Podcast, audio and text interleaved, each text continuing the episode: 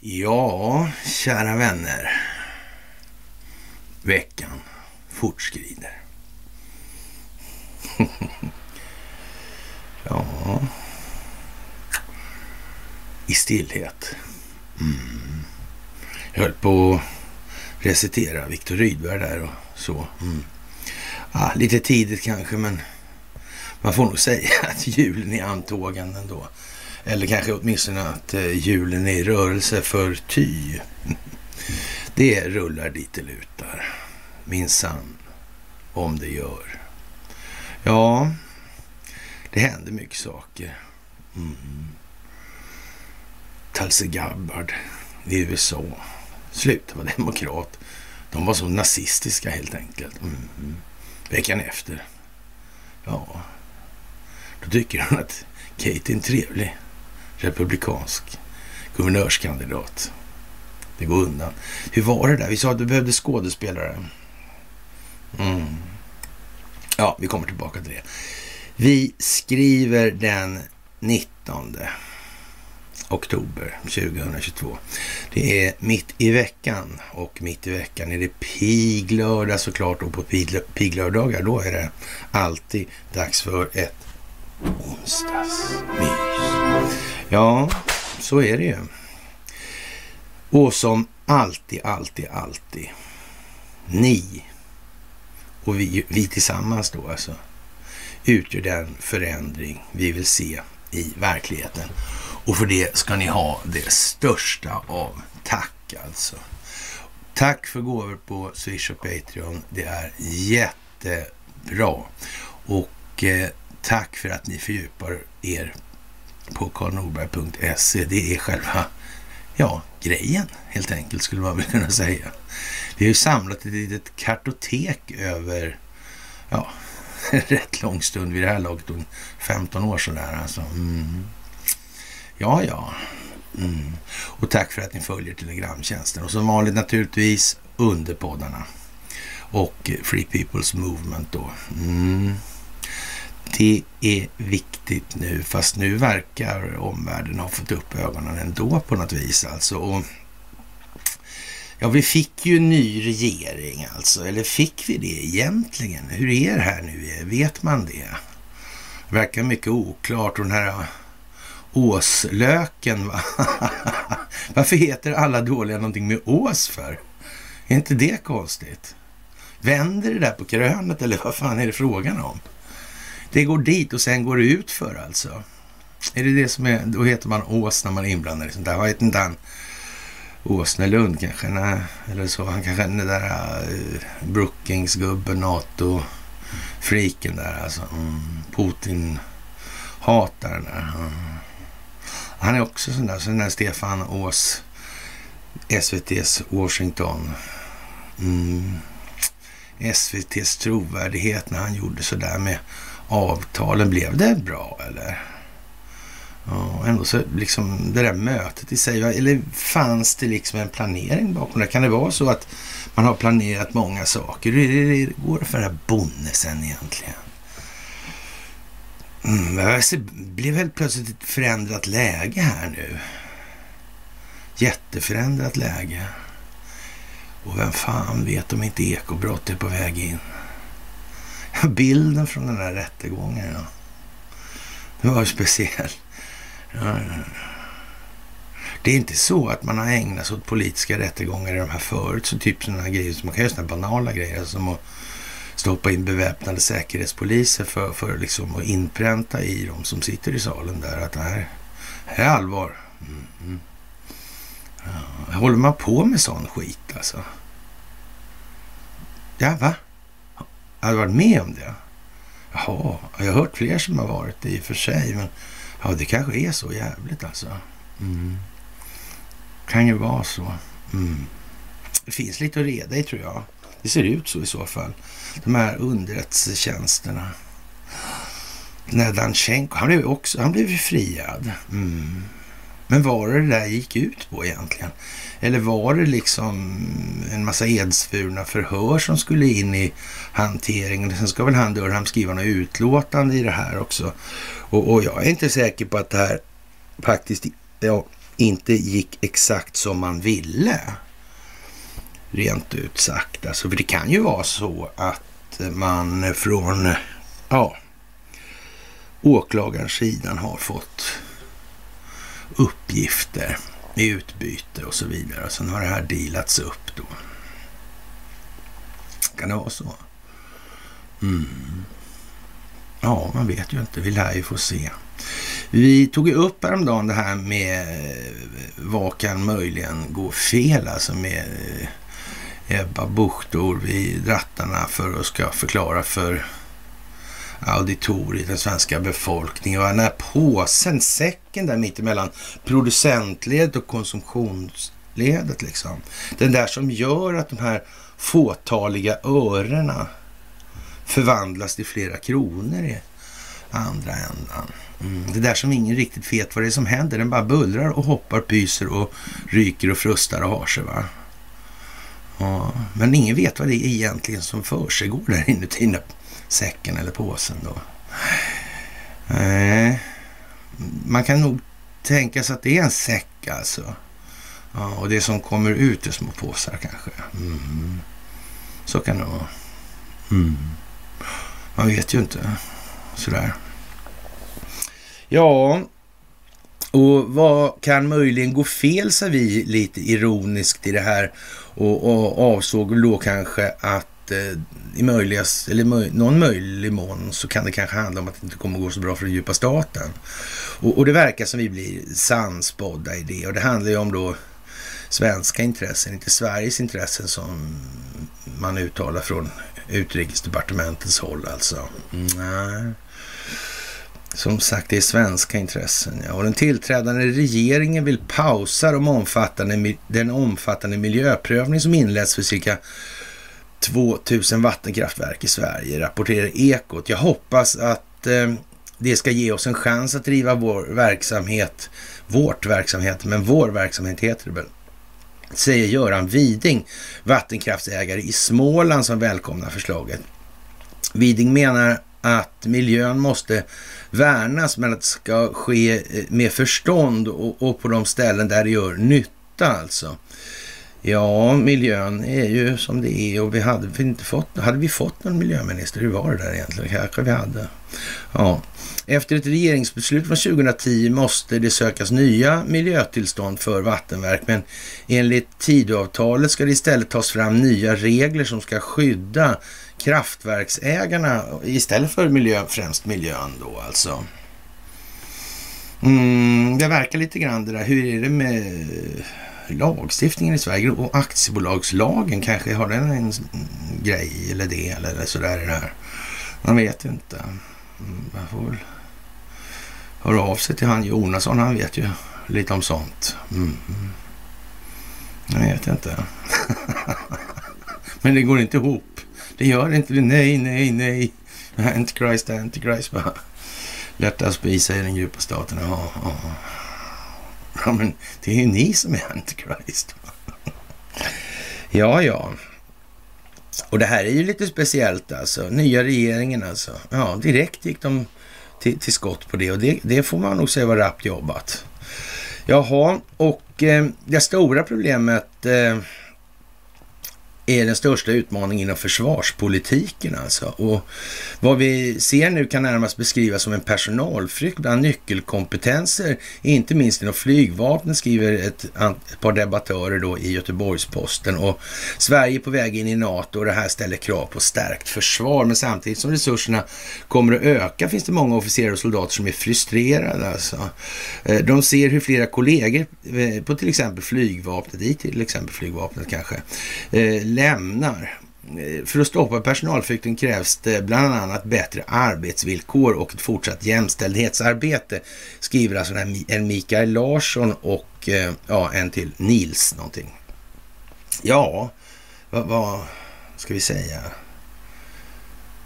Det är lönen alltså. Mm. Eh, kan alla, ska alla säga så, tror jag? Vad är det vi ska kriga för? Vår lön alltså.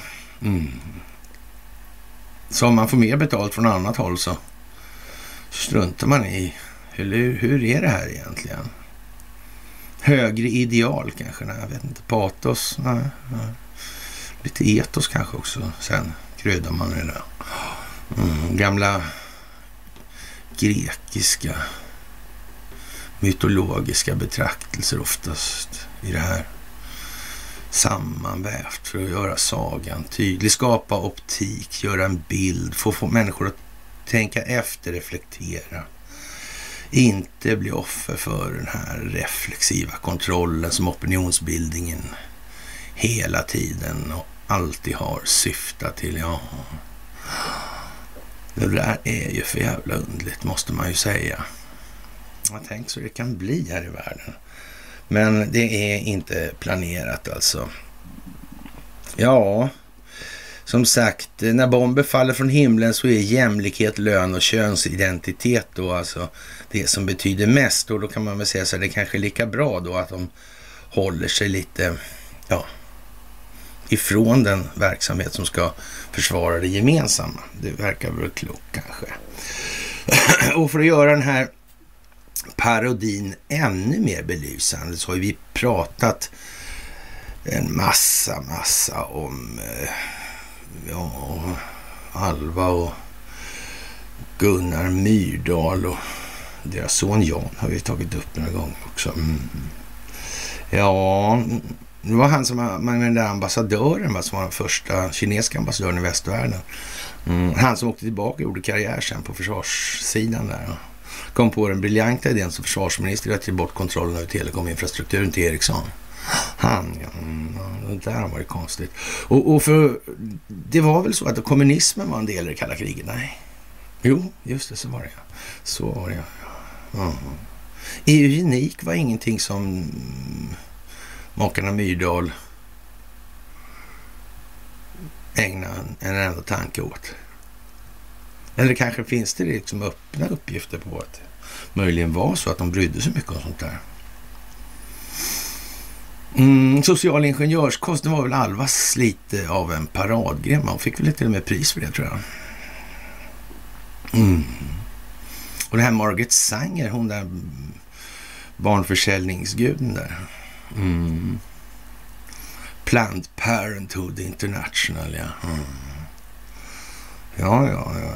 Och så var det norska inblandade i det där RFSL också, ja, som startade Planned Parenthood International. Ja, just det, så var det ja. Mm. Och sen är det en massa hbtqisar och sån här. Mm. Det hänger liksom kanske lite grann ihop det där och, och nu har man bildat ett Alva Myrdal-centrum här alltså. Och, och, ja, på Uppsala universitet givetvis. Och, och, ja, den här invigningen sker alltså idag, den högtidliga invigningen AMC alltså.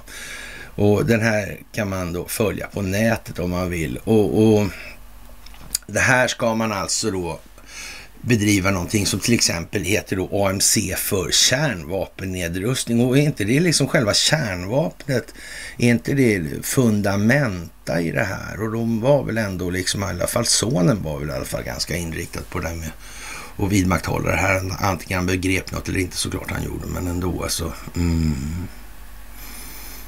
Ja, vi var väl vänner in till slutet på Facebook förresten vill jag minnas. Hade du någon dialog där någon gång? Ja. Mm. Jag vet inte, han verkar lite bitter.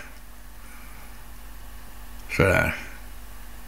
Men inte ska, kan väl det ha varit då sådana här maktens lydiga tjänare, alltså den djupa statens verkliga lakejer, de här Gunnar och Alva. Han var väl ekonom också. Det här har någonting med, med Stockholmsskolan att göra tror jag. Rent utav. Ja, nå någonting dit var det väl i alla fall, tror jag. Mm.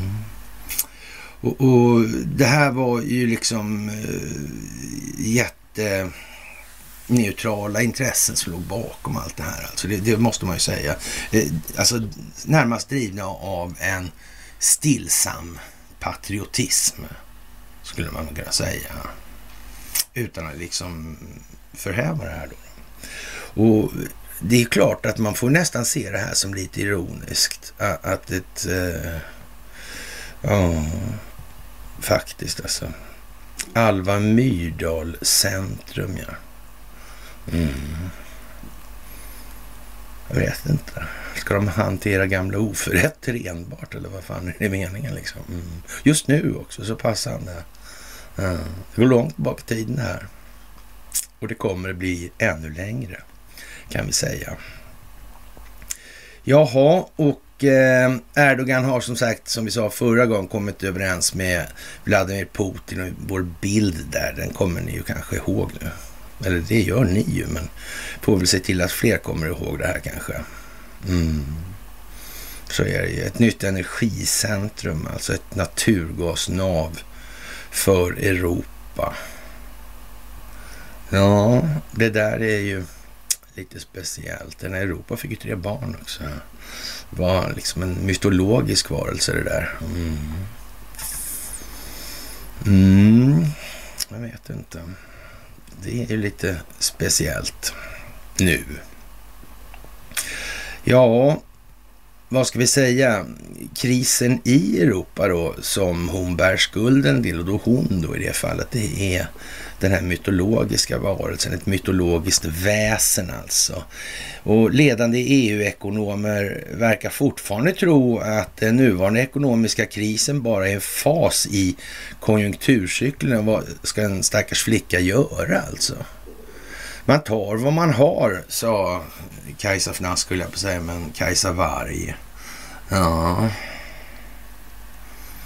Fnasket och plasket på tal om hyperboriska hav då. Mm. Mm. Ja, det där är konstigt. Alltså, har man bara lugnet får man nog fan se till att... Det blir ju så till slut alltså. Mm. När man bara lögnen har, så att säga. Får man stå med ja, fulan bar då, eller kanske liknande då. Ja, och eh, det har naturligtvis blivit mycket värre med det här ekonomiska läget på grund av yttre chocker och i form av coronavirus och konflikter i Ukraina och så vidare som alltså eh, på något vis verkar konstruerade med ett syfte att dölja det naturlagsbetingande utvecklingsperspektivet av det valutafinansiella systemet. Alltså att det blir Tada! Skuldmättat alltså. Ja, räntekomponentens närvaro i ekvationen när betalningsmedlet består av enskilt kontrollerad räntebelastad skuld. Ja, man kan snart höra att jag har sagt det där många gånger, antingen man har hört det förr själv eller inte. Ja, mm, det är ju så. Det är nästan som Pavlovs hundar på den nu. Men den nuvarande lågkonjunkturen och den enorma energibrist som driver den här alltså, ja, mm, kommer inte nödvändigtvis att följas av en period av ekonomisk tillväxt, snarare tvärtom. Den snabba avindustrialiseringen av Europa Särskilt olycklig är det faktum att Europa har gjort den största skadan på sig själv alltså. EU hade en gång en mycket egen naturgas, eller mycket egen naturgas, men produktionen har halverats då i takt med att den gröna ideologins popularitet har växt och så ökade de här antienergikänslorna mot den typen av kolväteförbränning. Alltså. Vilket undergrävde Europas industriella bas. Mm. Så det har ju hela tiden handlat om att se till att befolkningen hamnar ja, på the short end alltså. I det här det måste vara en brist alltså. Kosta vad det kostar vill. Det måste vara brist. Annars fungerar inte systemet. Nej. Det är det som är det fina med marknadskrafter. De förutsätter brist, inte överflöd. Nej, det är bra alltså. Mm.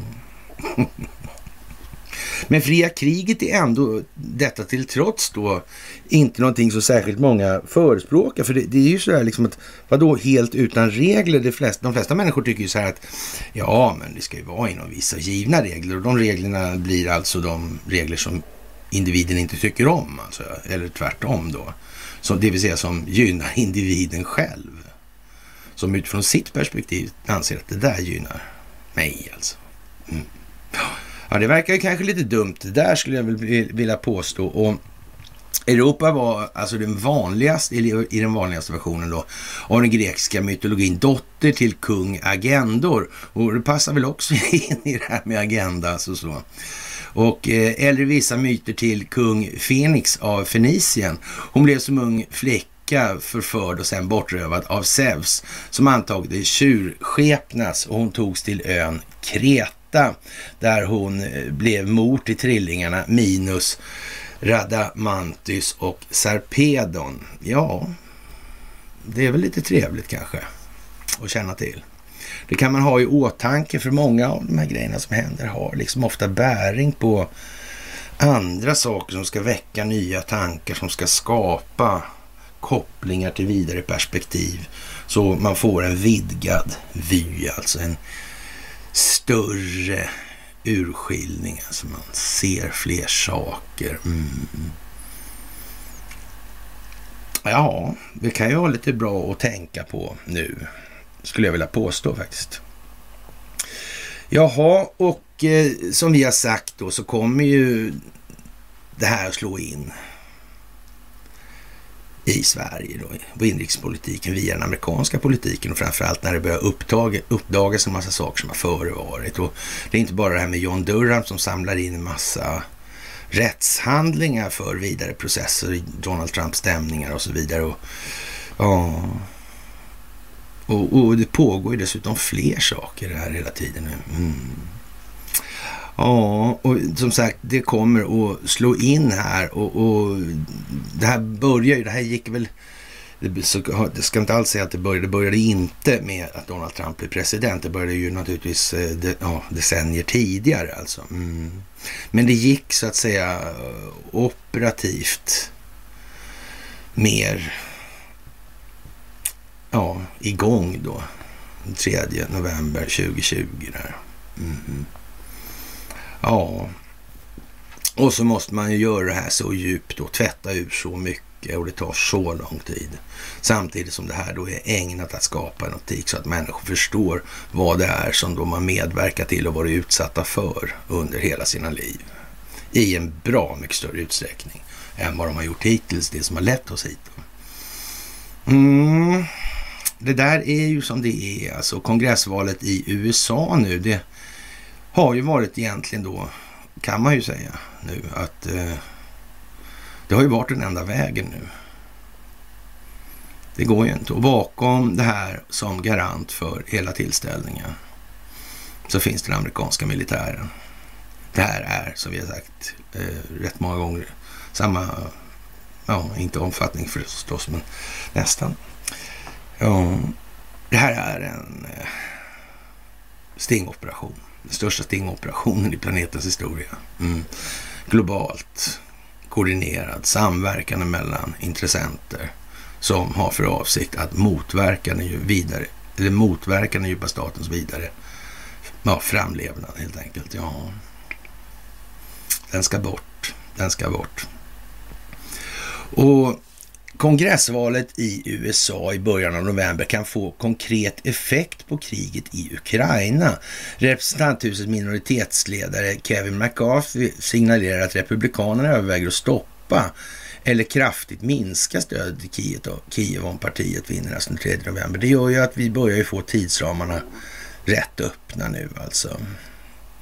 Det där kommer nog säkert många i den djupa staten som inte är införstådda med precis all omfattning på allting som de medverkar till. Då. Mm, det kommer att få dem att reagera. Har det inte blivit panik förr så? Mm. Och militären där. Hur mycket militär verksamhet kan finnas kvar med, med när materielen har getts, givits bort i en sån här omfattning som har skett nu under senare tid? Mm det där är ju märkligt alltså. Riktigt, riktigt, riktigt märkligt faktiskt. Ja, Republikanerna har god chans att återta kontrollen över åtminstone representanthuset vid det amerikanska kongressvalet tisdagen den 8 november, står det där. Och eh, som sagt, om det sker kan resultatet bli att den nya majoriteten där sätter stopp för eller kraftigt minskar USAs militära stöd till Ukraina. Det säger alltså den nuvarande minoritetsledaren Kevin McCarthy. Och i en intervju med New York Times, argumentet är att USA har nog med egna ekonomiska problem. Jaha. Jag tror att folk kommer att sitta med en recession och de kommer inte att skriva en blankcheck till Ukraina, säger McCarthy. Och, och, det kan ju mycket väl vara så. Alltså, det verkar konstigt det här med pengarna. Det verkar ju angeläget för de som ska kriga till och med, åtminstone om man ser till det svenska fallet. Det verkar ju jättekonstigt. Mm. Ja, ja, det verkar kärleken till pengar verkar vara liksom en bra grej i det här som man ska använda om man ska få folk att byta åsikt också. Och sen får man väl ta det här med pengarna efterhand då. Och eh, ja, eh, USA dras med hög inflation och stigande räntor i ett läge där landet under 2022 skickat mångmiljardbelopp i dollar i säkerhetsmässig och militärt stöd till Kiev. Båda partierna har röstat för sådant stöd, men, men särskilt inom Republikanerna i representanthuset finns tecken på att stödet har urholkats. I maj röstade 57 republikaner i kammaren emot ett nytt stödpaket på 40 miljarder dollar. Och på andra håll inom partiet förefaller stödet för Ukraina och emot Ryssland dock vara fortsatt starkt. Eh, det finns ju Rhinos fortfarande alltså. Ja, och det är inte klart vad en eventuell republikansk seger i kongressvalet får för konkret effekt. Partiet är splittrat mellan de som vill hålla trycket uppe mot Moskva och de politiker som stöder ex-president Donald Trump och hans America First-doktrin alltså. Ja, det kan man ju säga. Det finns ett brett eh, stöd då eh, från båda partier för Ukraina, säger en republikan i representanthuset utrikesutskott, Michael McCall till Bloomberg News. Alltså. Mm. Ja, ja, ja, ja.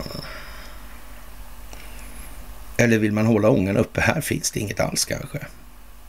Är det för svenskt vidkommande man önskar signalera det här i svenska medier? Jag vet inte. Något kan det ju vara i alla fall. Ja, ett neddraget amerikanskt stöd till Kiev skulle kunna få stora konsekvenser. USA har ihop med Storbritannien finansierat det mesta av väststöd till Ukraina sedan Ryssland invaderade den 24 februari. Det där har vi gått igenom. Som sagt, det måste stå så här nu. Stödet från EU-länderna släpar kraftigt efter enligt Ukraine Support Tracker som drivs av tyska Kiel-institutet och World Economy. I början av oktober hade USA investerat motsvarande 52 miljarder euro i olika sorters stöd till Ukraina. Det är ungefär som deras försvarsbudget, som är nästan i alla fall i stora delar av den. En stor del av det är militärt stöd. Det sammanlagda stödet från EU-länderna och andra organisationer uppgick till 29 miljarder euro enligt eh, samma källa. Och ja, en professor Christoph Trebers han är starkt kritisk till EU-ländernas underpresentation. Alltså det är från EU-håll minst sagt magert det här resultatet. I synnerhet som många av de utlovade leveranserna anländer, anländer med lång eftersläpning, säger han till SvD i början av oktober. Ja, överhuvudtaget bedriva krig på de grunderna, vad fan är det för någonting? Då kan man ju säga så här, då har man ju inte ägnat sig åt så mycket omfallsplanering i alla fall, det är helt säkert. Och, och, och några, eh, ja, det verkar inte liksom, hur, hur går det till? Man, man, hittar man på grejer direkt på fronten, ute vid fronten när man eh, stöter på dem eller råkar ut för dem? Eller, jag vet inte, hur funkar det där egentligen? Några verkar ju helt klart väldigt dåligt förberedda i det här sammanhanget. Mm. Att de inte ens klarar av att tvärnita uh. Ryssland på sekunden liksom. Och nu har tappat de, de har tappat kontrollen helt och fullt över luftrummet. Uh. Och Ryssland visar att de kan skjuta prick på vad som helst inne i Kiev. Jaha, och det har de ändå inte gjort. Undrar varför då? Att de inte bara mal ner hela skiten och gör parkeringsplats av det. Mm, det är konstigt. Det är konstigt. Mm. Och enligt uppgift då så var det tydligen på morgon-tv då så var, visar man då hur man använde eldhandvapen, alltså motsvarande någon karbin, några pistoler för att skjuta ner drönare sådär. polisen var det tror jag. Enligt den uppgiften. Det verkar, inte, det verkar ju helt otroligt alltså. Jaha. Det kan man snacka om luftrumsskydd. När de springer omkring med eldhandvapen på gatorna och försöker skjuta drönare. Nivån är ju häpnadsväckande, måste man ju säga. Den är förnöjsam i alla fall, Det kan man ju säga också. Det är förnöjsamt. Ja, det är lite tråkigt. Det är lite som när man smyger ut på fotbollsplanen i mörkret och någon tänder lyset alltså. Oj då, fick man inte vara här på kvällarna. Eh. Jaha, och eh, Billström då, utrikespolitiken ska värna om Sverige alltså. Och det där är ju lite udda, det får, måste man nästan säga tror jag. Det där är jättekonstigt. Eh, den här utrikespolitiken alltså. Och, och jag vet inte om Billström har gjort något jävligt dumt eller varför det blir så här liksom. Men det verkar precis som att han har, ja, ett bagage alltså. Det verkar som det är liksom någon sån här uppsamlingshit i det här. Faktiskt. Carl Bildt han vill ju inte kliva på, men det kanske är lika bra det. Det, det är väl ingen som tvivlar direkt sådär på de moraliska färdigheterna. Jag tror de är belysta faktiskt. Och, och Billström säger hur som helst att det kommer att läggas en större vikt vid Europa, eller på Europa. och eh, ja, eh, inte vikt vid, eh, ja. Man undrar ju det där med vid och på och sådär. Alltså, hur menar de att de, vad de skriver nu? Alltså en större vikt på Europa eh, och samarbete i Sveriges närområde under den nya regeringen, säger han till SVT's Aktuellt. Den här formuleringen är ju faktiskt lite tjusig. Ja, vi ska föra en eh, politik som värnar om svenska intressen, säger han. Och, och om NATO-avtalet säger han att den nya regeringen har samma ambition som den förra att Sverige ska bli medlemmar i försvarsalliansen. Vi har höga ambitioner på det här området. Sverige blir medlemmar i NATO inom en snar framtid, säger han då. Och de, de utvisningar som Turkiet kräver att Sverige ska göra, eh, svarar Billström, att alla beslut som eh, tas ska tas på ett rättssäkert sätt. Och, och frågan är vilken rätt som gäller i det sammanhanget då. Det, det verkar ju lite, eh, åtminstone en smula oklart faktiskt. Och eh, han beklagar att den förra regeringen erkände Palestina som en självständig stat. Alltså. Och, och, det där är ju faktiskt ett jättekonstigt uttalande. Alltså. Och, och, och ja, för Billström säger någonting jävligt konstigt sen alltså. Och det är inte lite lillkonstigt alltså, det är storkonstigt. Mm. Den nya regeringen kommer inte att erkänna stater, eh, ja, eh, som inte har full kontroll över sina egna territorium. Jaha, det här med Palestina då alltså. Jaha. Men Ukraina de har koll på. Det är inget invasionskrig då eller? Heller. För de kan väl inte ha både och? Kontroll på sina, sitt territorium och, och vara utsatta för en invasion. Det verkar ju svårt. Mm. Ja, det där blev väl dumt av Billström kanske. Men vid och på, hej och hå liksom. Mm. ja, men eller hur? Ja, och Ukraina har alltså, precis som Israel, full kontroll i den frågan. Alltså Israel har ju den lilla egenheten att det växer ju sådär istället. Mm. Så man vet inte liksom om man har gett ett, och, och, om man nu godkänner det här, har man gett ett carte blanche då för, för att eh, all vidare expansion och sen kan ingen säga någonting på rättsliga grunder sen, eller hur fan är det tänkt egentligen?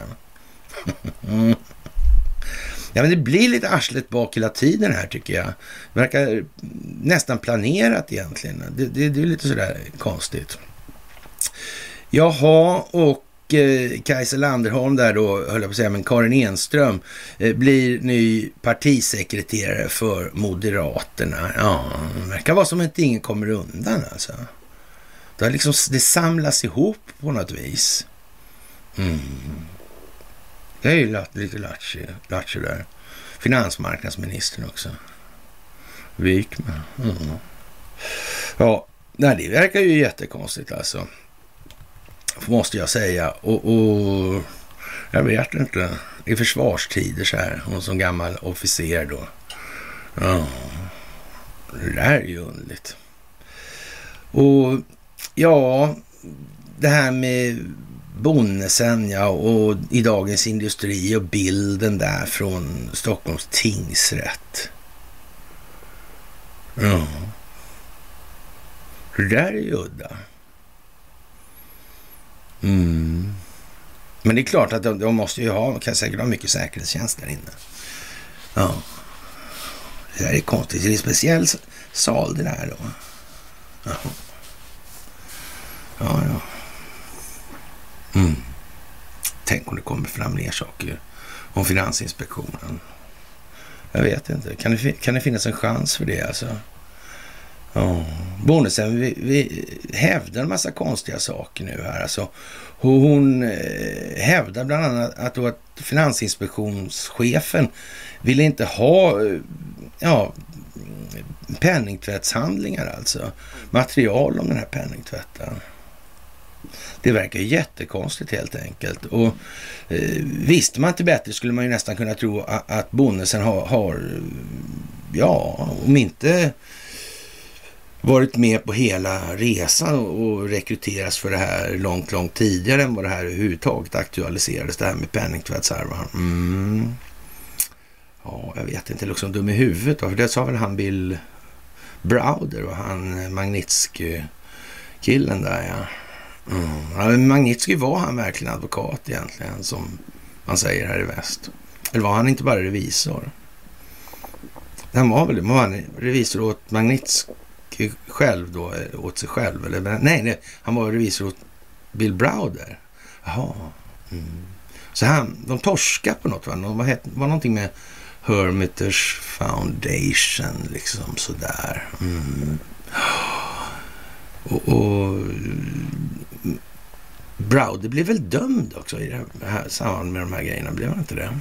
Mm. Och sen hamnade han i London och USA där. Och där gömde man honom då, säger man då. Mm, hur var det här egentligen? Hur fick, funkade det här? I så fall är det ju förargligt för, för, var det för, måste det varit förargligt för Browder när han upptäckte då att Vladimir Putin samarbetade med Donald Trump och med Xi Jinping. Och, mm,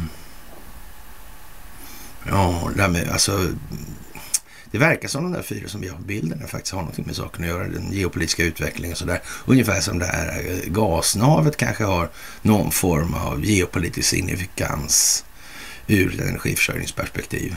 Mm. Jag vet inte, men det, det, kan ju vara så att det sitter ihop alltså. Och, och Bonnesen, hon, hon, verkar på något vis, eh, ja, hon verkar veta vad hon gör alltså i det här. Det är ju så. Och hur, i fan alltså ska man hantera det? Om det är så att hon har kanske sprungit de här SEC-ärendena. Ja, jättelänge. Och nu kommer det alltså. Det här blir ju inte så bra. Nej, det blir ju inte det. Och SEC, har de koll på fler grejer alltså? Ericsson, nej. Nej, nej. Mm. Men det har man hört av sig på annars. Ja, men vi, vi tar det alldeles strax. Ja, ja. Under on onsdagen i alla fall, så idag alltså, så fortsätter förhören i Stockholms tingsrätt med Swedbanks tidigare vd Brigitte Bonnesen som står åtalad för bland annat grovt svindleri med anledning, i anledning av, av uttalanden hon gjorde eh, hösten 2018 och vintern 19 alltså. Mm, enligt åklagarna var de här, dessa uttalanden vilseledande avseende bankens arbete med att förhindra penningtvätt i den estniska verksamheten. Under onsdag förmiddagen ställde åklagaren frågor om en intern granskningsrapport från september 18 som togs fram inom, eh, ja, eh, vad, vad, ska man egentligen säga ytterligare i det här faktiskt? Att eh, Tänk om hon har varit med så länge nu. Alltså tänk på det. Mm. Ja. Som sagt, eh, under onsdag, ja så att säga, och enligt åklagaren har uttalat vilseledande alltså och, och bankens arbete med att förhindra penningtvätt i den estniska verksamheten. Och vem äger det här problemet? De här transaktionerna görs inte i svenska kronor då, nej, utan de görs i dollar. Och vem kommer vara ytterst ansvarig för den hanteringen? Jo, det är den här SEC. Och SEC pysslar med just den här typen av verksamhet. Den pysslar inte med att registrera om Kingdom Sweden of, eller vad fan de säger att det står. Ja. Det, det, det är inte det alltså. Nej. Det är entiteter som har rätt att handla med dollar och valuta, inte någonting annat. Sådär. Mm. Det är ingen organisationsformsbeskrivning och sådana här grejer. Nej. Om enkla bolag eller kommanditbolag eller aktiebolag eller vad man vill. Va? Nej. Sådär. Och eh, ja, under onsdag förmiddagen så ställde man frågor om eh, ja, en intern granskningsrapport från september 18 som togs fram inom Swedbank för att undersöka exponeringen mot penningtvättsskandalen i Danske Bank. Rapporten identifierar bland annat 80 miljarder kronor i suspekta transaktioner med Danske Bank, vilket var en högre summa än den som i februari 19 skulle omnämnas i eh, Uppdrag granskning. Ja, vad konstigt. Mm. Undrar vems ärenden hon springer egentligen? Nej, det undrar jag inte. Alltså, det är väl vi har sagt från början i det här. Ja, det är väl självklart att det är så. Annars har man inte förberett sig om man ska sätta dit de här lökarna. Och eh, ja, det är ju lite tråkigt kanske. Och vad ska man säga? Med anledning av åklagarnas frågor berättar Brigitte Bonnesen om ett möte som hon hade med Finansinspektionens, alltså Finansinspektionens högsta ledning den 15 oktober 18. Alltså långt innan Uppdrag granskningsprogram. Okej. Okay. Från Finansinspektionen deltog generaldirektören Erik Thedéen och den dåvarande vice generaldirektören Martin Oreus. Eh, ja, men vänta. Thedéen där, inte han, ska inte han in i förtroendebranschen? Ska inte han bli riksbankschef och upprätthålla förtroende, bli en eh, estradör, schaman? Eller? Var det inte så? Jo, men så var det fan. Mm. Det här ser inte bra ut då, alltså för förtroendet. Det ser inte bra ut för förtroendet alltså. Nej, det ser ut som det vankas annat helt enkelt. Och, och enligt Brigitte Bonnesen hade hon till, till mötet med sig en presentation av slutsatserna som tidigare dragits för styrelsen. Men finansinspektionscheferna ville inte ta emot den. Okej. Okay. Eh, jag vet att vi hade med den och, vi hade tryckt upp en presentation till var och en och, och vi frågade om de ville ha dem. Eh, men de lämnade tillbaka dem och sa att eh, de ville inte diarieföra dem, alltså visa att de hade fått dem. Men, nej. Men, försvann det pengar då i hanteringen bara där? Vad var det för pengar då, tro? På en sån sak? Ja. ja, vi får väl se om det har någon betydelse. Dagens Industri har tidigare beskrivit att detta möte mellan Brigitte Bonnesen och Erik Thedéen ägde rum den 15 oktober 18 samt att mötet aldrig diariefördes hos Finansinspektionen. I en Finansinspektionhandling från 2019 står det dock att banken presenterade innehållet i rapporten för Finansinspektionen den 15 oktober 18.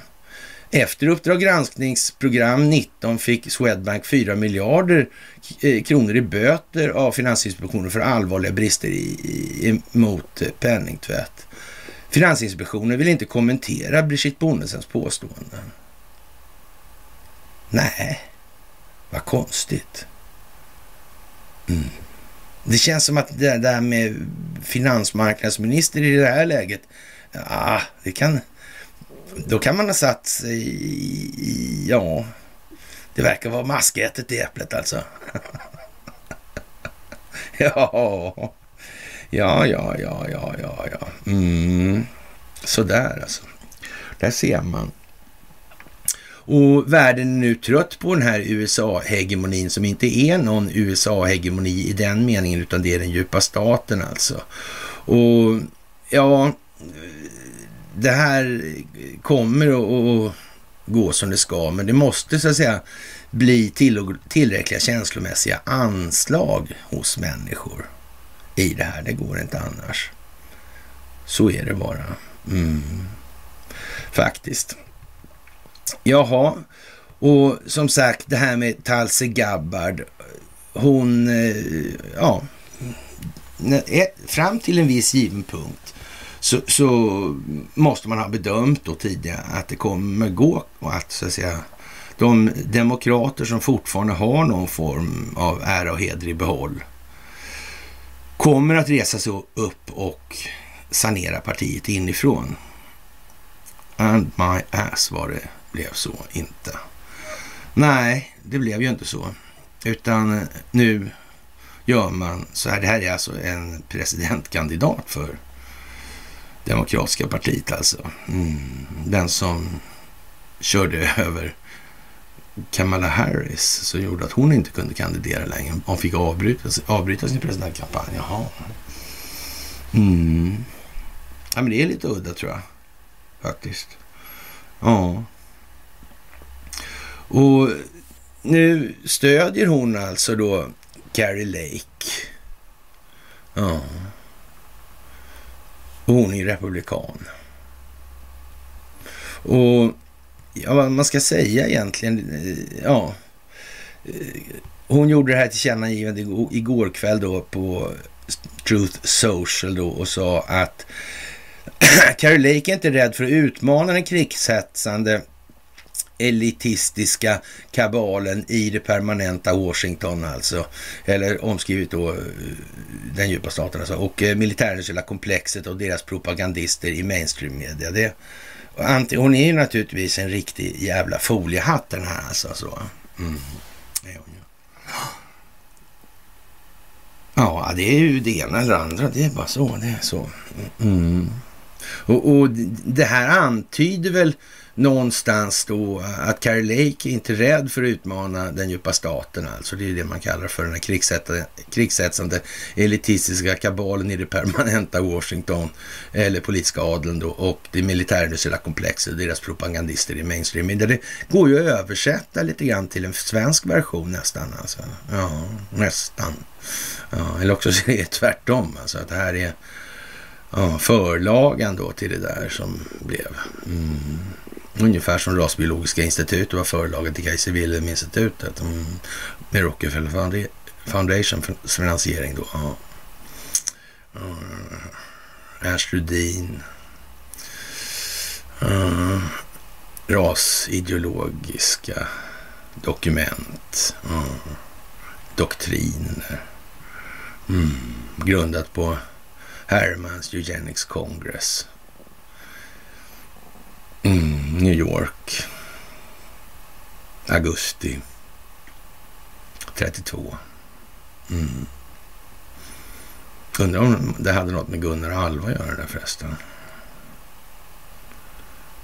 Mm. Ja, jag vet inte.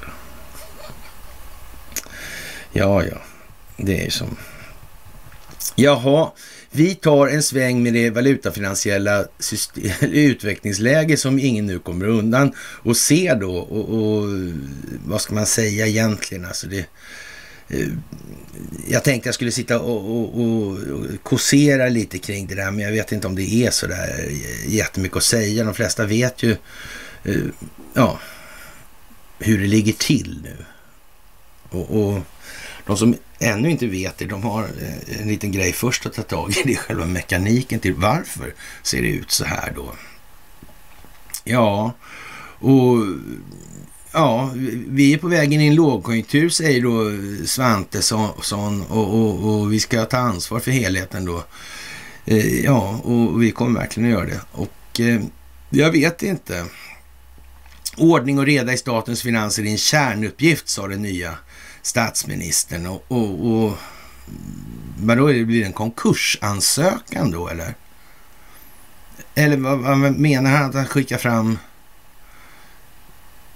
den fortfarande varande chefen för Finansinspektionen, Thedéen, Och, och göra små danser och, och blåsa rökmoln och puffar och smäll, slänga smällare och fyrverkerier omkring sig kanske. Jag vet inte. Jag vet, det där verkar ju jättekonstigt. Alltså ordning och reda i statens finanser är en kärnuppgift, sa den nya statsministern. Det kan man ju säga. Och, och, och vet man då i så fall att man ska byta system så där så kan man ju kanske möjligen sympatisera med det sättet att uttrycka det. Men i, i sin gängse betydelse och mening som har förevarit och det varit tidigare i vart fall. Då kan man väl nästan säga att det där låter ju helt skadat. Mm, det låter inte alls så smart. Nej.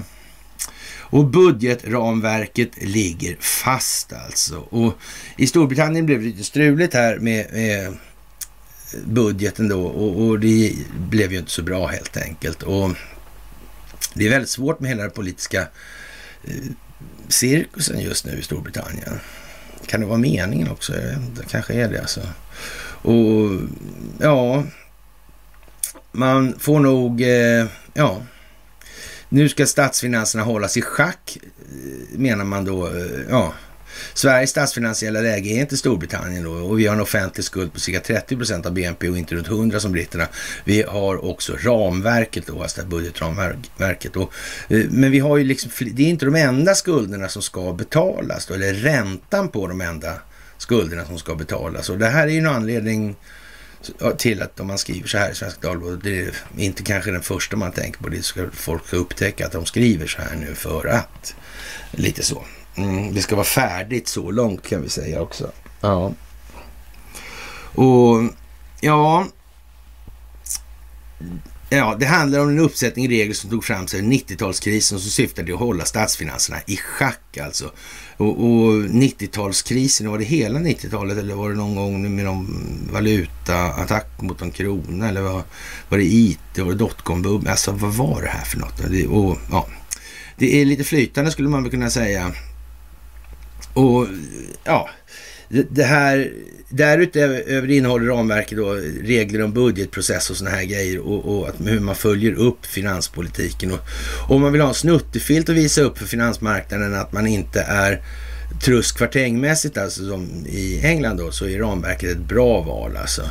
Eh, finansmarknaden är extremt neurotisk just nu. Minsta tecken på att ett land inte gör allt för att få ner inflationen verkar vara skäl för att investera dumpa både räntepapper och valutor, eh, vilket omedelbart gör livet svårare för både hushåll och regering. Ja, det är, den där, det är också en del av det här. Är inte det jävligt konstigt alltså? Eh, vadå? Eh, finansmarknaden, alltså handel med pengar. Men är handel med pengar någonting som skapar någonting annat än problem då för de här hushållen och, och så. Och regeringen. Men det, det, står nästan innan till nu här och, och, läsa bara så. Man behöver liksom inte kunna jättemycket. Man behöver bara läsa en gång till och tänka lite.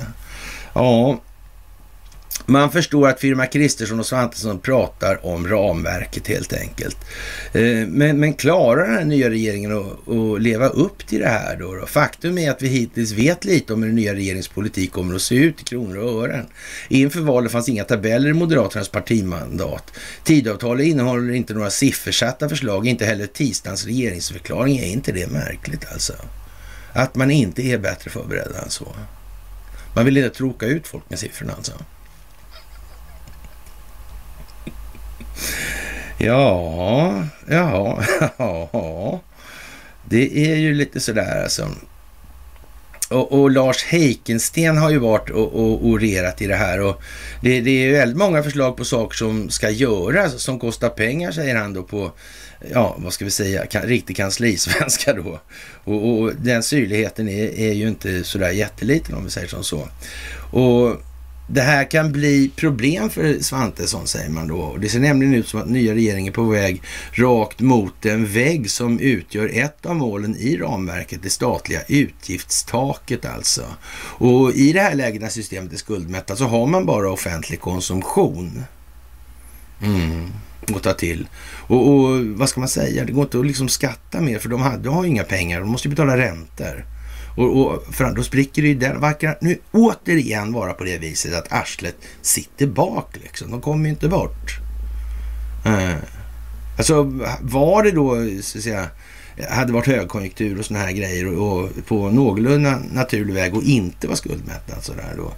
Ja, Ja, då hade det ju varit ett sätt naturligt. Men nu är ju problemet att det är själva existensen av betalningsmedlet som betingar ett för högt pris. Hur gör man då? då? Mm, jag vet inte. Man kan inte börja skriva av skulder som statsobligationer för då försvinner hela valutamarknaden, den största marknaden på jorden. Det går inte heller så bra. jag vet inte riktigt hur man gör. Alltså jag kan ju några sätt att lösa det på, men jag tror inte att någon av de metoderna är till Arsenalsgatans större förtjusning i vart fall. Det är svårt att tro. Då hade de gjort det själva redan, för så svårt är det inte. Ja, ja. Och det där är ju liksom, eh, ja, jättetråkigt för dem helt enkelt och, och oss också naturligtvis. Fast vi får skratta lite åt dem ändå. Det är jättetråkigt. Och, och de återkommer i budgetfrågan med utgiftstak och andra delar, sa, sa Svantesson då alltså. Och, och, ja, ska ett upprivet sådant här tak ses som ett brott mot ramverket? Eh, praxis är att taket ska hållas. Va, vad ska man ha det till annars då? ja, det kanske blir som med inflationen här. Man, man kan inte liksom ta någon hänsyn till det. Nej, då faller hela systemet alltså. Så det är bara att köra, det är bara att slå, skicka det mot stjärnorna liksom. Mm. Ja, det vet inte jag om det är så eh, jättebra kanske det här för förtroende för det här systemet. Men då är det i alla fall återigen tur då, eller otur ska vi säga så här. Det är otur för Erik nu, Thedéen, alltså att han just i det här läget får en näbba som Bonnesen på halsen alltså. Som eh, börjar hävda då att de inte vill ta emot och diarieföra eh, Swedbanks utredning alltså. Det, är ju, ja, det här blir ju inte så bra alltså. Förtroendemässigt. Det blir dåligt. Mm. Och, och ingjuta förtroende i det här systemet, det verkar ju inte liksom, det verkar ju som man gör allt, eller snarare gör allt för att bryta förtroendet för det här systemet. Mm. Det måste vara frivilligt då alltså. Det är det system som de har levt på i den djupa staten. Ja. Men man måste ge dem, om de ska hänga sig själva, då måste man ju ge dem tillräckligt med rep alltså. Annars går det inte. Det blir svårhängt då. Ja, det eh, blir inte så lätt där konstaterar man i Svenska Dagbladet då och, och, riskerar att rucka på hörnpelare direkt skriver man där och det är lite speciellt. Och Handelsbanken redovisar en fantastisk resultaträkning nu alltså. Banken gör jättevinst alltså mitt i räntekrisen. Helt otroligt bra. Vårt räntenetto ökar till viss del eh, av den räntemiljö som är nu, men eh, framför allt eh, för att vi ökar vår utlåning till både hushåll och företag, i, inte minst i Sverige. Eh, skuldmassan växer alltså. Det är som man säger, framför allt är det skuldmassans tillväxt som gör den här lösningen. För den här lönsamheten. Alltså, ja, för att den här räntan efter skuldmättnaden, den blir ju bara lägre och det är ju inte några ja, 1999 års räntenivåer nu eller 1990 års, det är det ju inte. Nej. Eh, och i ljuset av det här med 90-talet där, va? man snackar om det där ramverket och taket där, ja. Mm. ja. Den räntan var ju liksom jätte speciella alltså. Och, och, till viss del är det räntemiljön alltså. Men, men vänta nu här, var det, eh, ja då tjänar de mer då nu, men, men räntan har väl inte gått upp sedan 90-talet? Nej, den har gått ner, det har den gjort. Det måste alla hålla med om faktiskt. Så den är nästan noll nu. Det verkar vara liksom någon form av, jag ska höll på att säga, med systemiskt, systemiskt betingad reflex nästan. Alltså. Ja, men naturen och karaktären av systemet i alla fall kan vi säga då. Ja, ja, ja, ja. Och, och det är klart alltså. Skuldmassan, alltså, den växer av någon anledning. Det är tillväxten det alltså. Mm. ja, inte det är konstigt. Och Det verkar bli mindre och mindre tillväxt per tillsatt krona i ekonomin. Mm. Det låter lite grann som det här med att tillföra mer finansiell belastning än produktiv nytta. Mm, per enhet valuta. Mm, mm, jäm, mm, nej ingen jämvikt, men en punkt i alla fall. Där, någonting som lutade 45 grader ungefär. Mm.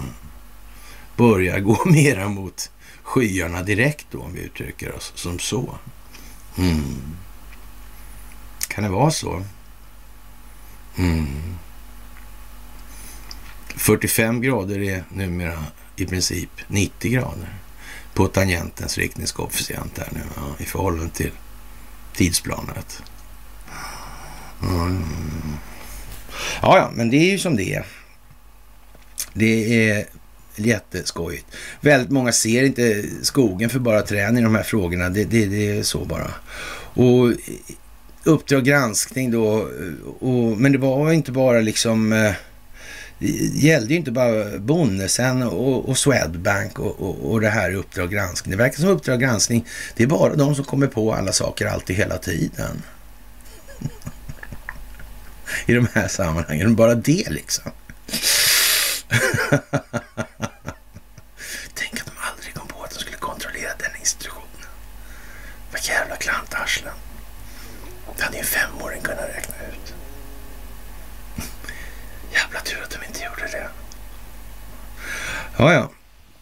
USAs regering utlovar tuffare tag mot eh, bolag som mutar, i synnerhet mot företag som brutit mot uppgörelser med amerikanska myndigheter som Svenska Ericsson. VDn Börje Ekholm riskerar åtal och fängelse enligt advokat och korruptionsexpert Peter Utterström.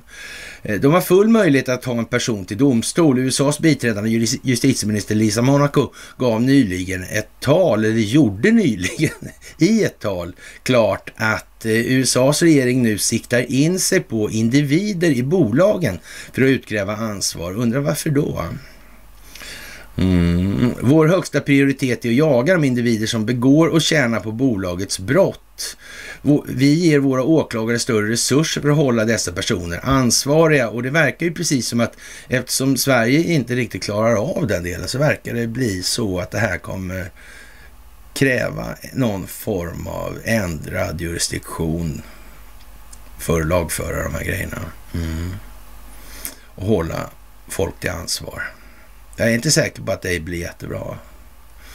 De skulle nog ha snabb utrett där. Ja, ja. Eh, ja, det är lite sådär... Eh, vår högsta prioritet är att jaga de individer som begår och tjänar på bolagets brott alltså. Eh, vi ger våra åklagare större resurser att hålla dessa personer ansvariga. Ja, ja vet inte jag. Konstigt. Ericsson har en lång historia av mutskandaler. 19 tvingades företaget betala rekordbyte på 10 miljarder kronor till justitiedepartementet i USA. Uppgörelsen är en slags villkorlig dom där Ericsson sattes under bevakning och förband sig rapportera minsta misstanke om mutor, om fler mutor i bolagsverksamhet. Och, och kort därefter, avslöjade februari, om misstänkta mutor i Irak meddelade justitiedepartementet att Eriksson brutit mot uppgörelsen. Ja, då är det rökt, säger Peter Utterström, advokat i Uppdrag granskning. Han är korruptionsexpert och jobbar med amerikanska bolag. Du måste vara extremt betydelsefull för att amerikanska myndigheter ska kunna se mellan fingrarna, förutsätter, fortsätter Peter Utterström. Det kan man väl säga att det finns de som är. ja, han pekar på att Eriksson inte bara kan ha gjort sig skyldig till mutbrott utan även sanktionsbrott för den misstänkta finansieringen av terrorsektorn IS. Då. Eriksson utreds nu av såväl justitiedepartementet som finansdepartementet i USA. Och, och frågan är vad Börje har gjort alltså i det här. Om inte Börje börjar kvittra som en sångfågel nu, det har han redan gjort. Helt säkert. Mm. Så är det ju. Mm. Och de vet om det. Och de har vetat om det länge. Mm. Men det ska spelas upp så här, för det är det allting går ut på. Det går ut på att individen ska förstå. Individen ska utvecklas. Individen ska släppa egna känslogrundande värderingar i en allt snabbare omfattning. Det är bara genom den processen som samhället kan utvecklas. Det är helt jävla säkert. Ja, och eh, det där är ju lite sådär... Eh, ja, Ericsson har lyckats göra det mest allvarliga man kan göra när det gäller brott mot den amerikanska lagstiftningen. Min gissning är att Ericsson kommer att få böta mer än de 10 man bara, miljarder man redan betalat, säger Utterström då. Och Uppdrag granskning kan avslöja att Ericsson redan i våras varnades för att en intensiv granskning av flera amerikanska myndigheter som skulle kunna ge katastrofala följder skulle följa då alltså. Ja, en expertgrupp med tunga jurister och rättssystemet var tydlig. Eh, Ericsson måste låta genomföra en extern oberoende utredning av IS-skandalen för att minimera skadan för företaget, styrelsen, aktieägarna och ta ansvar för de potentiella offren. Men Ericsson följde inte rekommendationen. Åh, pilutta, vad kan det bli? Ja, det är väl ingen idé att uttrycka som den saken. Det är bara som det är. Eriksson avböjer intervju det här. Eh, ja, eh, Uppdrag granskning då har upprepade gånger bett om en intervju med Erikssons ledning. Eh, de har konsekvent avböjt i ett mejl som skickas till Uppdrag granskning den 17 oktober skriver bolaget. Vi tar det här och alla liknande anklagelser mycket allvarligt, såväl det påstådda uppförandet som det faktum att det amerikanska justitiedepartementet meddelat oss att Irakutredningen från 19 inte var tillräckligt redovisad för den. Vi arbetar direkt med myndigheterna inklusive DOJ då, SEC, för att det behövs lösa och uppmärksamma alla problem alltså. Ja, vad ska vi säga som inte redan har sagt? Det vet inte jag faktiskt. Och eh, Eriksson där och eh, har då en Affam, Affan Akram i Uppdrag granskning då, som då ja, pressades av uppdragsgivaren Ericsson till att ordna tillstånd från IS för att kunna fortsätta verksamheten. Ett möte i Mosul slutade med att Akram kidnappades under vapenhot och hölls sen i husarrest i Mosul. Därifrån han sökte hans med hjälp av Ericsson. Han fick dock inget gehör alltså. Och vem tror, vem undrar om det var som la Barbara på honom? Kan det ha varit tjetjener kanske då? Eller jag vet inte.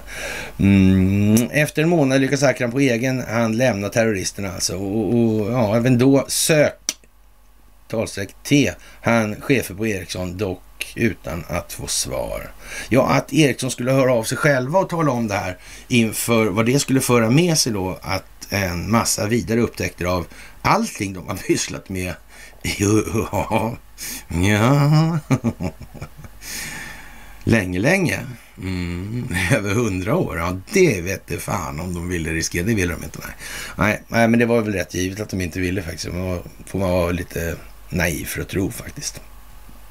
Ja, och, och som sagt, eh, det här med att de skulle ge sig. Ja, jag vet inte riktigt. Ja, sådär alltså. Mm. Men det går ju inte för någon att säga om ja, vad han än har suttit. Det var inte från att säga nej, det gör inte så. Vi har kollat med Isis. Nej, det går inte. Det går inte. Nej. Lettiska myndigheter då, på tal om Swedbank och sånt här då. ja, det här är lite konstigt alltså. Det verkar som att det går ihop sig på alla håll. Va? Det, det blir bara så här. Lettiska myndigheter uppger för tidningen Börsen att Fogh Rasmussen, Anders Fogh Rasmussen alltså, tillsammans med andra som satt i PNB Bankas ledning då, utreds för ekonomisk brottslighet i samband med bankens konkurs 19 2019. Enligt konkursförvaltaren agerade bankens ledning oansvarigt när omfattande transaktioner godkändes utan säkerhet. Det uppges ha resulterat med hål i bankens finanser på motsvarande omkring 1,5 miljarder svenska kronor, alltså småsaker alltså. Och Anders Fogh Rasmussen var då ordför, vice ordförande i det som kallas för bankens oberoende ledningsgrupp alltså. Och Anders Fogh Rasmussen säger enligt börsen att man inte kan lägga skulden på den oberoende ledningsgruppen för bankens konkurs. Nej, men då blir ju frågan då, vad, vad gör man liksom i den här oberoende ledningsgruppen alltså? Och, och varför har man en sån då? Det är inget, de har ingen ansvar för någonting oavsett vad de ställer till med. Det är så alltså de, man ska tolka Jag vet inte vilken typ av lagstiftning det är som ger dem friheterna. Men, men, men eh, Alltså man har ett jättestarkt mandat att påverka sådana här grejer och, och så. Mm. Det står ju, för man, vad har man den här ledningsgruppen till annars? Mm. Ja, men det där är ju konstigt alltså. Det verkar ha mycket, så mycket tokiga stavningar och, och ord och såna här grejer. Det där är ju lite sådär speciellt alltså. Sverige ska bli ett starkt NATO-land, säger Kristersson. Ampert höll jag det gör inte alls Ampert, men han säger grötmyndigt i alla fall i sin, från sin låga position där. Och ja, vi ska systematiskt integreras i NATOs olika strukturer. Han lovar att Sverige ska skicka kvalificerat vapensystem till Ukraina. Alltså, ja, jag vet inte. Konstigt det här alltså. Men det är redan kompatibelt. Så krigsmaterielindustrin håller sig med kompatibla grejer ju. Mm. mm. Vi vill ju till att vi inte blir osams med någon av NATO. Det är ju skittokigt. Alltihopa. Det kanske man inte tänker på. Jag vet inte. Spelar någon roll kanske? Jag vet inte det heller. Faktiskt. Ja, han sitter nog där han sitter av en anledning. Och det här med George Floyd och Kanye West eh, stäms på 250 miljoner av George Floyds familj. Mm. Black Lives Matter, rättssystem, mm. Floyd. Det var inte bok där på gång om den där Floyd. En som började skrivas något år innan händelsen ägde rum. Mm. Inte jag berättat någon gång om det? Jag tror jag har gjort det. Nej, jag vet att jag har gjort det. Ja, det har jag gjort. Ja, ja, ja, ja, ja. Nu stäms rappan på 250 miljoner dollar av mamman till Floyds barn alltså. Och, och ja... Mm, det verkar konstigt det där alltså. Han, han påstår alltså, Kanye West, att, eh, det var att det inte var polisens övervåld som kostade George Floyd livet, utan en fentanylöverdos i kombination med andra hälsoproblem. Och ja, det där är ju konstigt alltså. Mm. Det där verkar lite konstigt. Ja. Mycket pengar också. Man kanske torskar. Mm. Mm.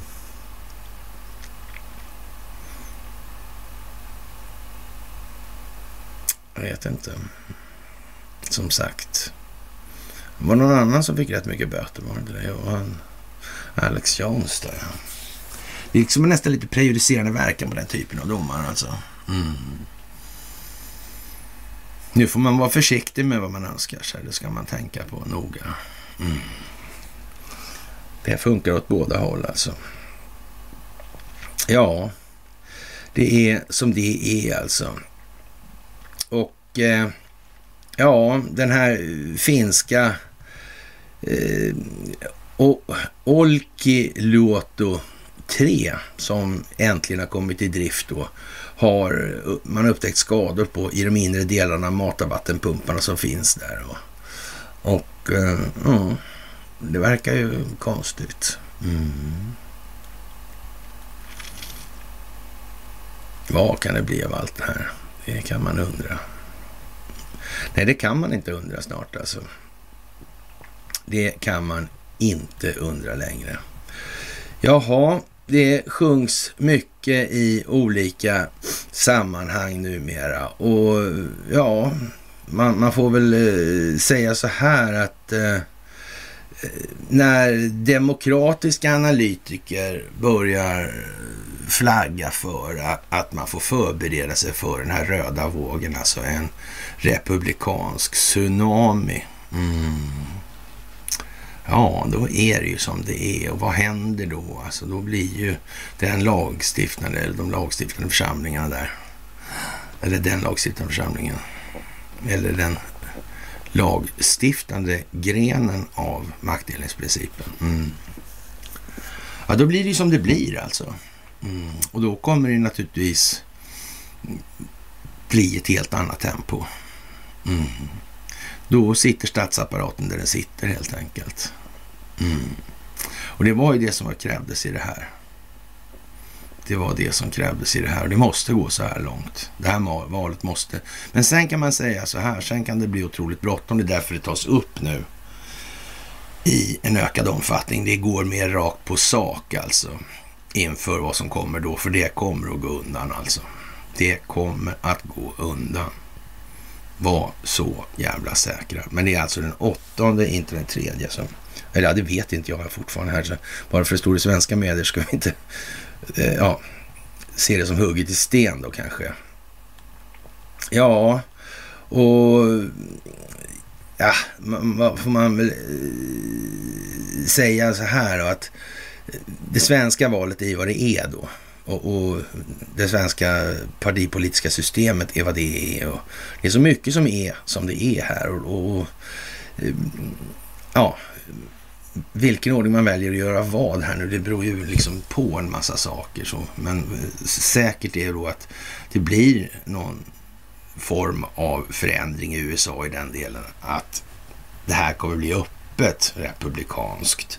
Lagstiftningen, den lagstiftande delen av maktdelningsprincipen kommer att agera på ett sätt som gör att det är mer öppet då vad som händer. Och då kan inte svenska medier och det svenska etablissemanget fortsätta och sprattla och dra. Då, då blir det som, då blir det som eh, Staffan Ås liksom. Eller Stefan Ås. Mm. Ja, det där är lite konstigt alltså. Det börjar rulla dit det lutar då. Märkbart så. Det rullar liksom åt andra hållet. Ja, tidigare rullat upp för nu rullar det ner för. ja, och det är väl en bra grej då att eh, Carl Bildt tackar nej till att bli minister då. Och det får man väl säga i det här läget. Han vill ju inte göra samma sak två gånger och man kan väl säga att han har gjort rätt många misstag i sitt liv. Det har han nog insett vid det här laget och det verkar ju då dumt att upprepa dem. Så att han har ingen möjlighet att göra i alla fall för alla har ögonen på det som ska hållas ögonen på nu. Så det är liksom kört. Han har helt enkelt, det finns ingen anledning alltså. Och han eh, gör inte samma sak två gånger, säger han då. Och, och, det är en av hans principer alltså. Och eh, det finns många andra sätt på vilka man kan hjälpa en regering. Det kommer att vara så för den här regeringen också. Och, och det ska vi väl säga... Eh, mm, ah, Carl Bildt, alltså jag vet inte. Jag tror att du liksom lite överspelad i de här grejerna nu alltså. Mm, jag tror att det blir lite, det blir lite Lundin Oil och det blir lite Lundin Mining. Det blir lite, eh, ja, jag vet inte fan, ska vi inte säga att det blir en Rybeck och, och organgrejer där kanske, jag vet inte. Det är ju ändå de konfliktzonerna. När man, har man fredsmäklat där så då är det ju som det är liksom. Det är svårt när de håller på med. Mm. Man skulle aldrig satt honom i mineralinvestare. Det var dumt gjort alltså. Mm. Eh, eh, obegripligt korkat höll jag på att säga. Men girighet är vad det är också. Det ska man inte heller glömma bort. Det ska man inte heller glömma bort. Nej, faktiskt. Bildt lyfter fram både NATO-processen där Sverige ska komma överens med Turkiet och det kommande ordförandeskapet i EU som två av de viktigaste punkterna för en svensk eller för svensk utrikes utrikespolitik framöver och jag är inte så jävla säker på alltså att det här blir så bra. Stödet till Ukraina blir både militärt och finansiellt blir nödvändigt för vi, för vi har ett krig i Europa. Det farliga år vi står, det farliga år vi står inför och, och, och det måste stå i fokus och man kan väl säga så här om man tittar på vad Kevin McCarthy säger då. Mm. Ja, men, och, och lägger ihop det med den verkliga bilden från Ukraina. De verkliga möjliga militära händelseförloppen. Ja, men då är det som det är nu. Och det är inte så mycket att säga i den saken egentligen. Och ja, det verkar otroligt mot väggen i hörnet och så vidare. Mm. Nu. Och som sagt, det är bara några veckor kvar alltså. Ja, det är det ju. Tre veckor då kanske. Mm. Det är ju lite udda. Det måste man faktiskt säga i det här läget. Och det ser ju ut som det gör så det är klart att det är väl ingenting att tacka ja till i det här läget. Han får ju fan hon eh, finansministern här, alltså Svantesson och framstå som väl genomtänkt i sitt val här. Men det verkar nog någonstans också som att ah, frågan är hur frivilligt det där var alltså. Mm. Och, och finansmarknadsminister. Eh, eh, dessutom vitsordad av Anders Borg. Ah, nah. Mm. Ja, ja. Mm. Men visst alltså. Jaha, den amerikanska eh, sidan av tjänstemannakaden i eh, ja, så att säga, investeringsvärlden då. Ja, de är inte inbjudna till den kommande saudiska investeringskonferensen alltså. Och inga amerikanska tjänstemän har bjudits in till den kommande saudiska investeringskonferensen eftersom klyftan mellan Washington och Riyadh fördjupats mitt i en allt värre energikris i väst alltså. Ja, jag vet inte. Nu kanske det inte är läge att gapa så mycket mord på Khashoggi. Jag vet inte, kan det vara så? Mm, jag vet inte det. Men, men uppenbarligen nya bilder på MSB och, och, Vladimir Putin i det här och de ser ju glada ut när de träffas. Det verkar konstigt. De där high five-grejerna alltså. Mm. Det, det, är ju lite speciellt alltså. Det är ju lite speciellt. Ja, det tar ju lite tid det här med folkbildningen alltså. Och någonstans så är ju det vårt eget fel också. Att vi inte har engagerat oss. Ingen av oss kan säga att man har gjort precis allt man har kunnat hela tiden för att skapa ett bättre samhälle. Alltså det absolut bästa man kan göra hela tiden. Det har man inte gjort. Vi kan alltid bli bättre. Vi kan alltid bli bättre och vi kan alltid anstränga oss lite mer alltså. Och frågan är väl också det här med krigsdelegationer. Hur, hur ser det ut egentligen rent juridiskt det här med Sverige? Vem är den tappre härföraren? Han lär inte vara militär i alla fall. Det förefaller ju snarast bygga på lön och, och könsidentitet och den typen av frågor. Det verkar viktigt. Mm. Fackliga förmåner kanske. Mm.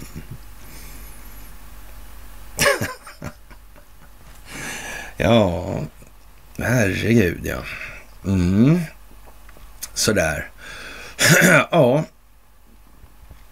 Man kan eh, kanske tycka att det är onödigt med, med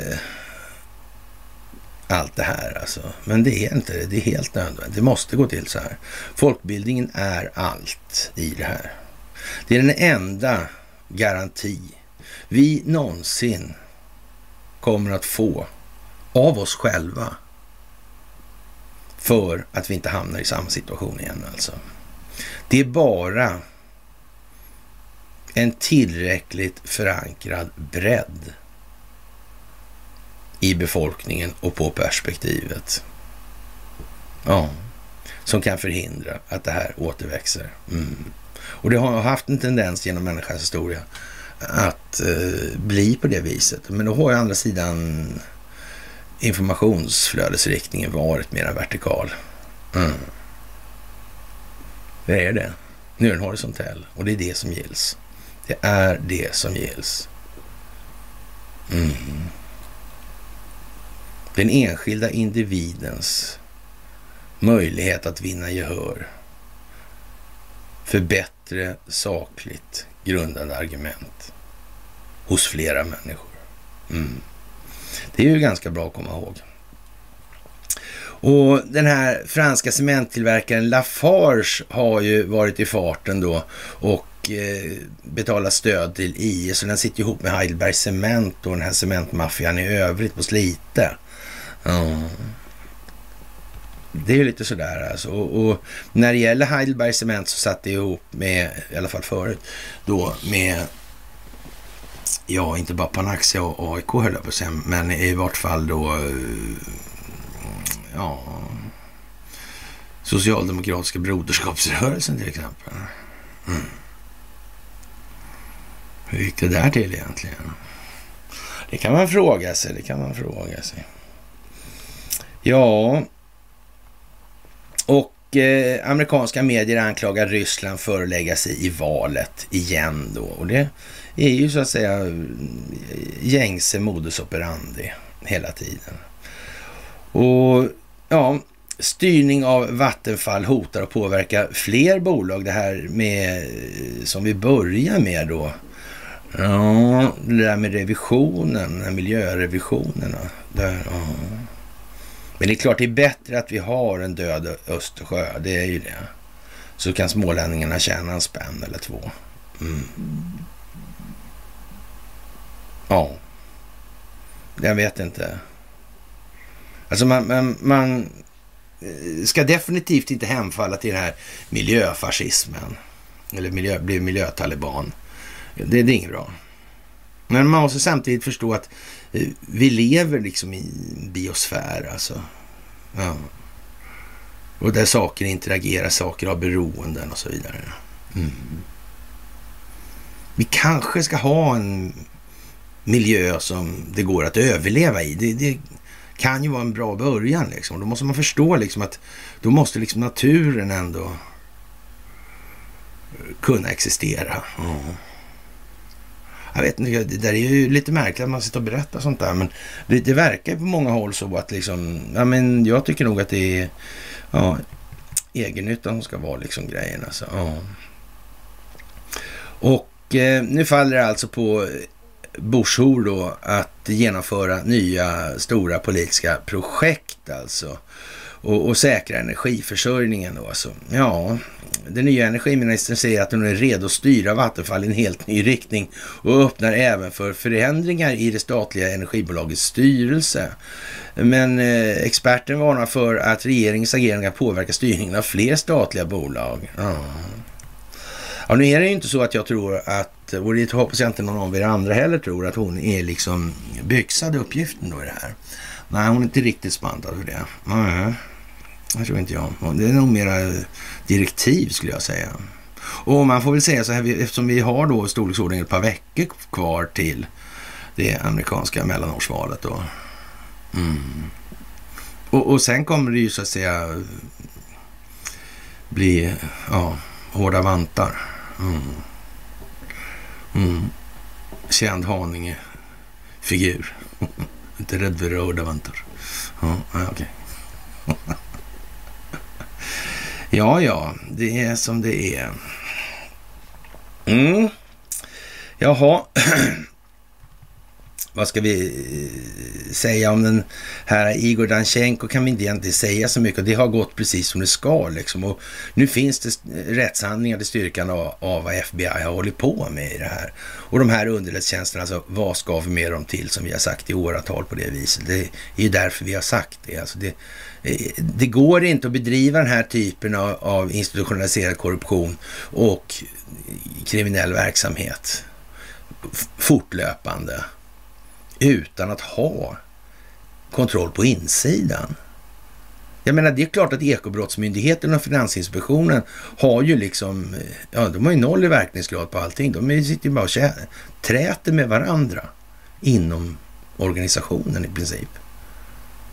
Mm. Alltså syftet med den här typen av organisationer, man kan ju säga så att tullkriminalen tycks ju ha Eh, eller tullens underrättelsetjänstkriminal kan man väl säga, tycks ju ha eh, börjat arbeta på jobbet. Alltså det är dramatiska förbättringar. Vilka beslag, fantastiskt. Det enda lilla, lilla smolket i bägaren det är ju det där att ah, va, de, de förra 200 åren, här, men ja, eller hur? Men lite så. Mm. Undrar om den här tullstationen på Dalarö, där tullmuseet, Undrar om det fanns möjlighet att muta folk på den tiden redan. Eller är det någonting som dök upp då när Stena Line kom ungefär? Eller? Och ändå var det på något vis tull. Man kanske kan använda den här typen av hantering som, vad ska jag säga, understöd för den kriminella verksamhet som man själv ville kontrollera. Man kanske kom på det redan då alltså. Ja, det vet man ju aldrig alltså. Tänk om det är så. Ja. Ja, det skulle kunna vara liksom hur korrumperat som helst här. Det, det, men inte skulle det väl kunna vara så då med Stockholmsbyråkratin, Axels fina skapelse, som grund för samhällsstrukturen. Ja, hur kan det vara egentligen? Ens? Det kan man ju fråga sig. Och nu är man oroliga då för eh, att man ska då eh, ja, lägga ner myndigheter. Ja, man kan ju säga så här att varje reglerande område som har en myndighet då i de här sammanhangen är ju numera skäligt misstänkta för att ha minst två syften. Varav det ena absolut inte verkar till det allmännas bästa. Det måste man förstå nu. Annars får man täta skallen så inte det bara blåser rakt igenom allting hela tiden. Mm. Foliehatt är bra har jag hört. Ja, ja. Lite speciellt får man väl också säga med, i myndighetssverige. Den nya regeringen har alltså tidigare uttryckt att vissa myndigheter bör läggas ner och trots att det ännu inte är klart vilka myndigheter som försvinner märks det redan nu en tydlig oro hos personalen. Och det kan man väl livligt föreställa sig då om man så att säga har eh, verkat inom ramen för myndigheten på ett sätt som är allt annat än moraliskt hedervärt. Det måste ju finnas precis hur många som helst som sitter hur, till hur dåligt som helst. Alltså, eller sitter hur dåligt till som helst. Det är ju bara så. Mm. Och det tror jag faktiskt inte är helt okänt överallt alltså. Ja, stick inte under stol med att det finns en oro bland medarbetare på myndigheten, säger Lena A, generaldirektör för Jämställdhetsmyndigheten. Och kan man väl säga så här, eh, om de kanske lägger lite för mycket tid på, eh, ja, att diskutera hur man ska så att säga, politiskt torgföra den här politiska åskådningen då. Det är att man inte ska eh, då behandla, behandla alla, alla människor lika som individer främst. Nej, det finns bara människor, det finns bara uh, beteenden. Mm. När man sa det, då blev de galna för tio år sedan. Alltså jävlar vilket liv det blev. Ja. Och, men den här jämställdhetsmyndigheten det kan ju liksom närmast ses som en politisk myndighet i den meningen. Mm. Men det handlar ju inte liksom om eh, ja, lika behandling, det gör det ju inte. Nej, det är det. Det är partisering allting grundar sig på. Och idag finns det 344 myndigheter under regeringen, en siffra som nästan halveras sedan millennieskiftet. Under valrörelsen har partierna som nu kommer att leda Sverige uttryckt att man vill stänga ner ytterligare myndigheter. Det är väl inte så mycket att diskutera om egentligen. Det är ju så bara. Moderaterna har uttryckt att man vill ha en generell minskning av myndigheter. Liberalerna menar att statliga nämnder med få ärenden bör omorganiseras. Och sen är det ju då en massa sådana här uh, myndigheter då som man vill ge sig på. Alltså, eller, ja. och, och det är klart att uh, delegationen mot segregation alltså. Och, ja, det där är ju äh, ja, lite udda helt enkelt. Och man, man, man, får nog tro att eh, eh, det inte riktigt bär vatten på det sätt som man först tycker kanske sådär lite spontant i det här. För det är väl lite grann som den där underlivsporslins grejen då att eh, man, vem ska klaga om de här som är framrustade nu? Liksom tycker att det de gör är skit. Ja, de kan ju inte beskylla alla andra som inte röstar på Det kan ju inte hända. Nej. Nej. Mm. Och som sagt det här med Sverigedemokraternas riksdagslista som är likadan över alla distrikt i hela Sverige. Vad är det för någonting? Det verkar ju som att man är helt säker på att de där människorna inte försvinner från politiken. Och, det kan inte vara rimligtvis vara så att det här är beroende på att de här människorna innehåller något större ja, jag ska inte säga politisk intelligens, men ja, i alla fall eh, mm, ja, någon större moralisk föredömlighet och kanske säga någon själslig storväxthet. Nej, nej. Ja, det finns lite björn, alltså det finns rätt många sådana här grejer som inte är sådär jättebra kanske. Ja, så det är nog inte det. Och, och man, kan ha svårt att se liksom att eh, geopolitisk analys liksom. Sverigedemokraterna med knätofsarna. Ändå kanske inte. Timotej-reklam från 80-talet snarare. Ja. Ultima Thule och lite sånt där. Mm. ja, vad fan ska man säga? Vad fan ska man säga alltså? Ja, det är lite speciellt faktiskt. Och eh, ja, man vill inte prata om det här på myndigheterna helt enkelt. Uh, eh, jag undrar varför. Tänk om de geofensade bara. Mm. Faktiskt. Och för den som önskar kan ju, och, och, säger att den djupa staten inte finns så kan ju vi köra som man gör från den djupa statens sida i alla sådana sammanhang. Men bevisa då att den djupa staten inte har styrt och kontrollerat under 1900-talet och anledningen att ingen har sagt något, det gills inte. Det går inte att bevisa att Gud inte finns, men eftersom ingen kan bevisa att den inte finns så finns den. Mm. Och så vidare. Det kan man ju kanske tänka på nu, nu också, att eh, mycket av den här semantiken, den är ju formad för, för att och, och, så att säga, leda just till den här typen av tankevurper. Mm. Så är det. Och det är väl lite bra att det kommer fram. Och Riksbanken riskerar att knäcka ekonomin, skriver Svenska Dagbladet alltså. Och ja, Annika Winst vet enligt egen utsaga inte hur hon ska förklara hur pengar skapas och andra förstår det.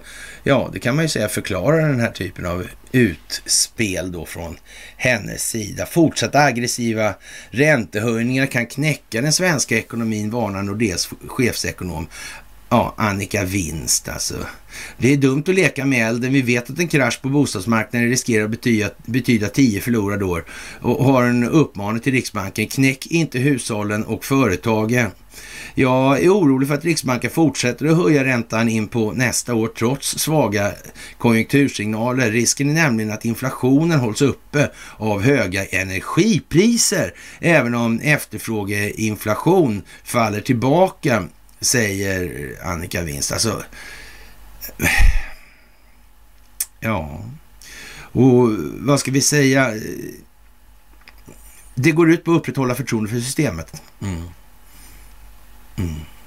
Och samtidigt måste man ur Annika Winds perspektiv upprätthålla bankernas balansräkningar. Det får inte börja bli en massa kreditförluster där. Mm. Problemet är att räntekostnadstillväxten, den skiter höge fan i de argumenten. Och precis som Handelsbanken öppet och glatt redovisar idag. Nej, det beror mest på att vi är så mycket mer, det är så många mer skuldsatta, så vi tjänar mer pengar fast ränt, än tidigare, fast räntan blir lägre. Ja, alltså de här historiskt höga vinster till historiskt låga räntenivåer och längre eller oändliga kredittider och minskad kreditkvalitet. Mm. Eller kreditvärdighet. Ja. Men jag vet inte om jag har sagt det några gånger här snart. Men, men i alla fall, det kan ju vara, annars kan man ju tycka det är lite trevligt att liksom sitta och få bekräftelse så här av medierna nu för tiden. Ja, man hör inte det där med konspirationsteoretiker lika ofta heller tycker jag. Det är lite tråkigt. Det är liksom lite, då är det lite mera eh, ja, fighting spirit åtminstone. Nu, är det bara, nu ser de mest eh, ledsna ut som urskitna äppelmosar liksom. Allihopa. Jävla modstulna liksom. Man får fan vara glad att det inte blev krig på riktigt alltså. Det får man fan vara. Med de där jävla lirarna. Uff! Då får man backa framåt helt enkelt. Mm. Sådär. Ja, och, och det här med, med att ha kinesisk teknologi i det amerikanska försvaret kopplat till anhöriga och så vidare. Sådär alltså. Mm. Men det var ingen som kom på de där grejerna alltså. Nej, nej, nej, nej, så kan det ju vara, så kan det ju vara. Och eh, ja, man, man, får väl säga att etablissemanget är väl inte sådär eh, eh jätte vid jättegott mod just nu. Det skulle man kunna säga. Lite modstulet nästan rent utav kan man nog nästan påstå. Och, och ja, det, det, är ju ett läge som är liksom mycket speciellt. Och när Browder säger då att antingen är hon ovanligt korkad eller så visste hon och ljuger alltså. Och, och det kan man väl säga att eh, Mm, också själva förutsättningen helt annorlunda. Så, eh, han ljuger inte och det gör inte hon heller då. då. Mm. Sådär alltså. Hur kan det här vara? Alltså det är ju egentligen det gamla vanliga. Antingen är det ju en planering som är koordinerad för att motverka den djupa staten. Alltså. Ja. Också är det ju inte då, rent av är det ju så att det, antingen finns den djupa staten eller så finns den inte. Men det verkar i alla fall några vara på det klara med att den finns i USA, till exempel Tulsi Gabbard. Ja, det verkar som det. Mm. Och vem vet alltså? Hon har ändå varit i Iraks på svängar. Mm. Man vet inte om hon vet något. Hon visste om massa saker och det visste Bonnesen också i det här. Helt jävla säkert är det på så vis. Och ja, det är bra då att John Durham tar sikte på FBI i det här. Det gör ju att eh, underrättelsetjänstkollektivet kommer ju få... Det blir oerhört svårt alltså för svenska underrättelsetjänster att motivera samarbete med CIA och FBI när det framkommer saker som det här som Durham håller på med. Och dessutom, dessutom i ljuset av vår historia tillsammans med USA. Hur var det egentligen? Men det har varit avlyssningar med eh, Danmark och Tyskland, var det va? Mm. Och de fick inte vara med med utredningen om Nord Stream-grejen också. Men det var Merkel som avlyssnade också. Så var det väl någonting med var inte han, till exempel den underrättelsetjänstchefen, sitter inte han fortfarande i fängsligt, för, fängsligt förvar? Jaha, kanske är så ja. Mm. Ungefär som den här Isis-häktade kanske möjligen. Mm. Eller Isis-gripna eller bortrövade eller vad man nu kallar det för. Mm. Ja, man vet ju inte. Det där är konstigt alltså. Mm. Och, och, fördelen för Durham som är en båt då är ju att den typen av båtar låter inte så mycket då när de tar sig framåt och helt plötsligt bara så är de framme. Boom. Det kan vara en bra grej att tänka på i det här. Herr Laursen kom med den checka grejen just här. Ja, vad man eh, ska säga om... Eh, ja, vi kan, vi kan väl eh, säga så här att det kommer gå otroligt mycket snabbare efter amerikanska mellanårsvalet. Mm. Och då, vi har alltså ett par veckor på oss nu. Där det kommer öka, eller liksom bli en anpassning till det nya utgångsläge som börjar efter det där mellanårsvalet. Och har man inte fattat när, att det slår in redan nu, då kommer man garanterat att inse det då. Men då gäller det ju att inte ha liksom för mycket mark att ta igen och det måste vi också tänka på. Nu har vi några veckor då vi måste stå på, hjälpa till, stötta, utveckla oss och så vidare i det här. Det är helt jävla asviktigt nu. Och ja, de här uh, bilderna på eh, fyra presidenter och en glob, det är nog inte så pjåkigt som man tror faktiskt. Det kan vara liksom eh, riktigt bra alltså. Och, och det här med ja, vacciner så brukar inte, men nu kommer ju även de ekonomiska aspekterna i de här sammanhangen fram och det verkar ju som att när det gäller till exempel eh, immaterialrätt så är ju då eh, ett svenskt patent är ju väldigt bra och Sverige är väldigt framgångsrika inom vissa om vi ska kalla det för varugrupper, men vad det gäller patent då. Mm, det är konstigt naturligtvis. Och eh, ja, det här är ju en tid då många politiker finner sig stående med huvudet mot kaklet alltså. Mm. Och det måste bli så. Det är ju ett löjets patrask och ingenting annat. Jag menar, det är... Det, alltså, hur kommer det sig att ingen av de barnen som var någon form av vettig ledare i småbarnsåldern blev politiker? Hur fan kommer det sig? Det verkar ju mest vara en massa revanschsugna, ja, vad ska man säga, självömkande i alla fall, så mycket kan jag säga. Men ja, det är som det är kort sagt. Och eh, ja, eh, det, det, är inte så lätt att, att förstå alla människor alltid, men man får väl ha en viss för, förståelse, om än man inte behöver ha sympati, alltså så att eh, nu kommer det bli väldigt mycket alltså. Och när Wolfgang Schäuble då i rullstolen där börjar gnöla om att man inte ska sitta och sjåpa sig eh, över att det blir lite dyrare att handla el och att man måste sitta med dubbla tröjor och såna här grejer. Jag vet inte. Eh, ja, det är billig, billig retorik helt enkelt. Och Eh, man börjar gå ut med, med det här med, med vad Kristersson har pysslat med i olika sammanhang. Mm. Hur mycket behöver man gå ut med? Hur mycket behöver man liksom... Ja, man kan säga så här, man eh, kan inte skynda fort nog när väl vågen slår in då i landet. Mm.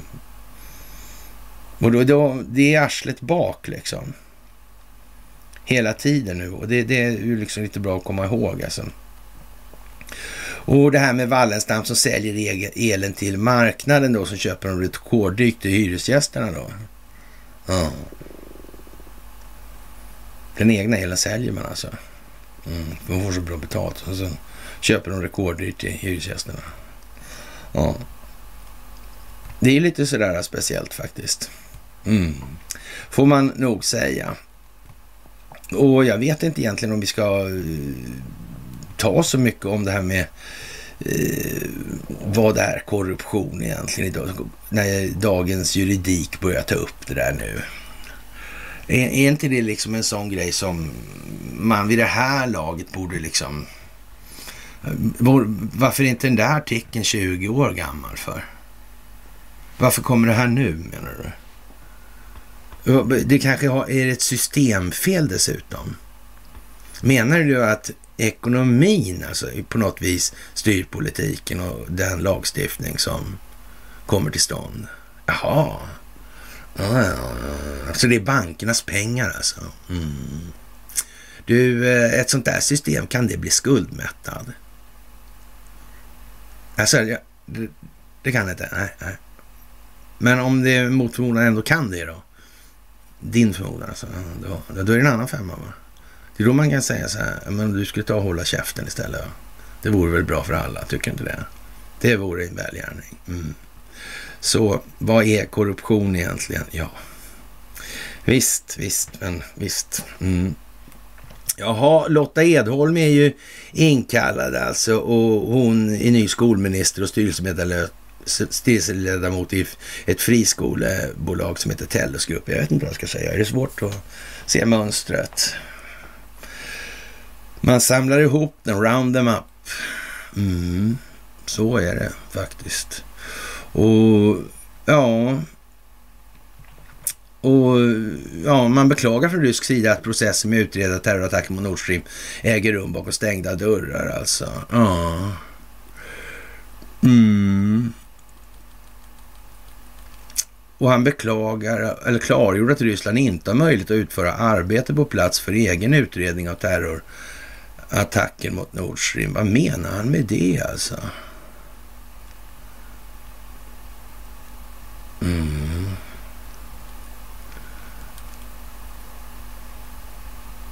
Ja, ja. Mm, men det är ju konstigt. Är det något som är farligt där kanske? Jag vet inte.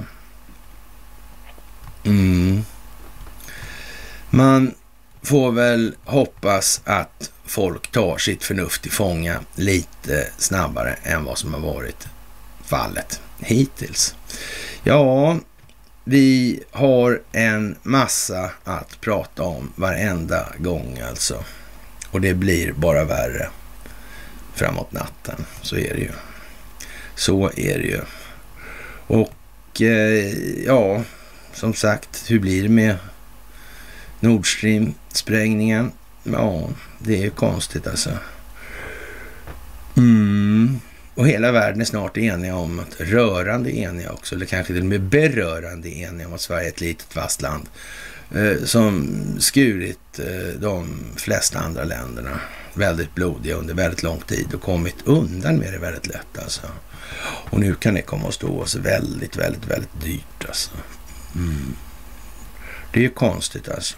Och både Tyskland och Danmark har ju haft utredningar av avlyssningsproblem. Alltså Danmarks avlyssning gällde ju svenska politiker konstigt nog också. Mm. Ingen geofencing här, nej. Nej, nej, nej, nej. Det var inte sånt alltså. Inte Tyskland heller med Merkel där, nej. nej. Nej, det är ju konstigt alltså. Det är ju så. Det är ju verkligen konstigt alltså. Och Ja, Magdalena blev ju väldigt glad att Stefan Löfven blev vald till ordförande i Europeiska socialdemokratiska partiet, PS. Alltså. Mm.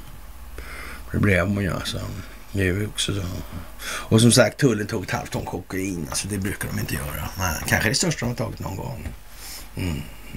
Ja, det måste ha varit en jävla ledarskapsutveckling där på slutet alltså. Mm. Fast de hade ju en sån där sån utvecklare där. Mm. Men hon flög väl vidare sen då, tror jag. Fast så hörde de av sig och ville ha en, det var mer sånt då. Jaha. Det är klart, de måste jävla byk och tvättar det där alltså. Ja, vi får väl se vad Petra Lund har i sitt bagage och i sitt sinne. Mm. Men som sagt, man får tänka nu på att det finns alltså slipers alltså i det här. Mm. Sådana som Talse Gabbard. Demokratisk presidentkandidat som nu supportar en republikansk guvernörskandidat inför det mest avgörande valet i amerikansk historia. Det är lite speciellt faktiskt. Lite. Ja, med det kära vänner så har vi gjort den här mys sessionen. Och eh, som alltid, det är fantastiskt. Jag är oerhört glad och tacksam över att jag får göra det här tillsammans med er. Och alla sena nattliga resonemang som folk för också. Det, det är också trevligt alltså. Ni är fantastiska. Det har gått oerhört snabbt och det går oerhört bra. Jag är oerhört glad för det alltså. Och med det så får jag väl tillönska härskapet en trevlig piglördagskväll. Så hörs vi senast på fredag. Alltså senast på fredag. Okej, trevlig kväll.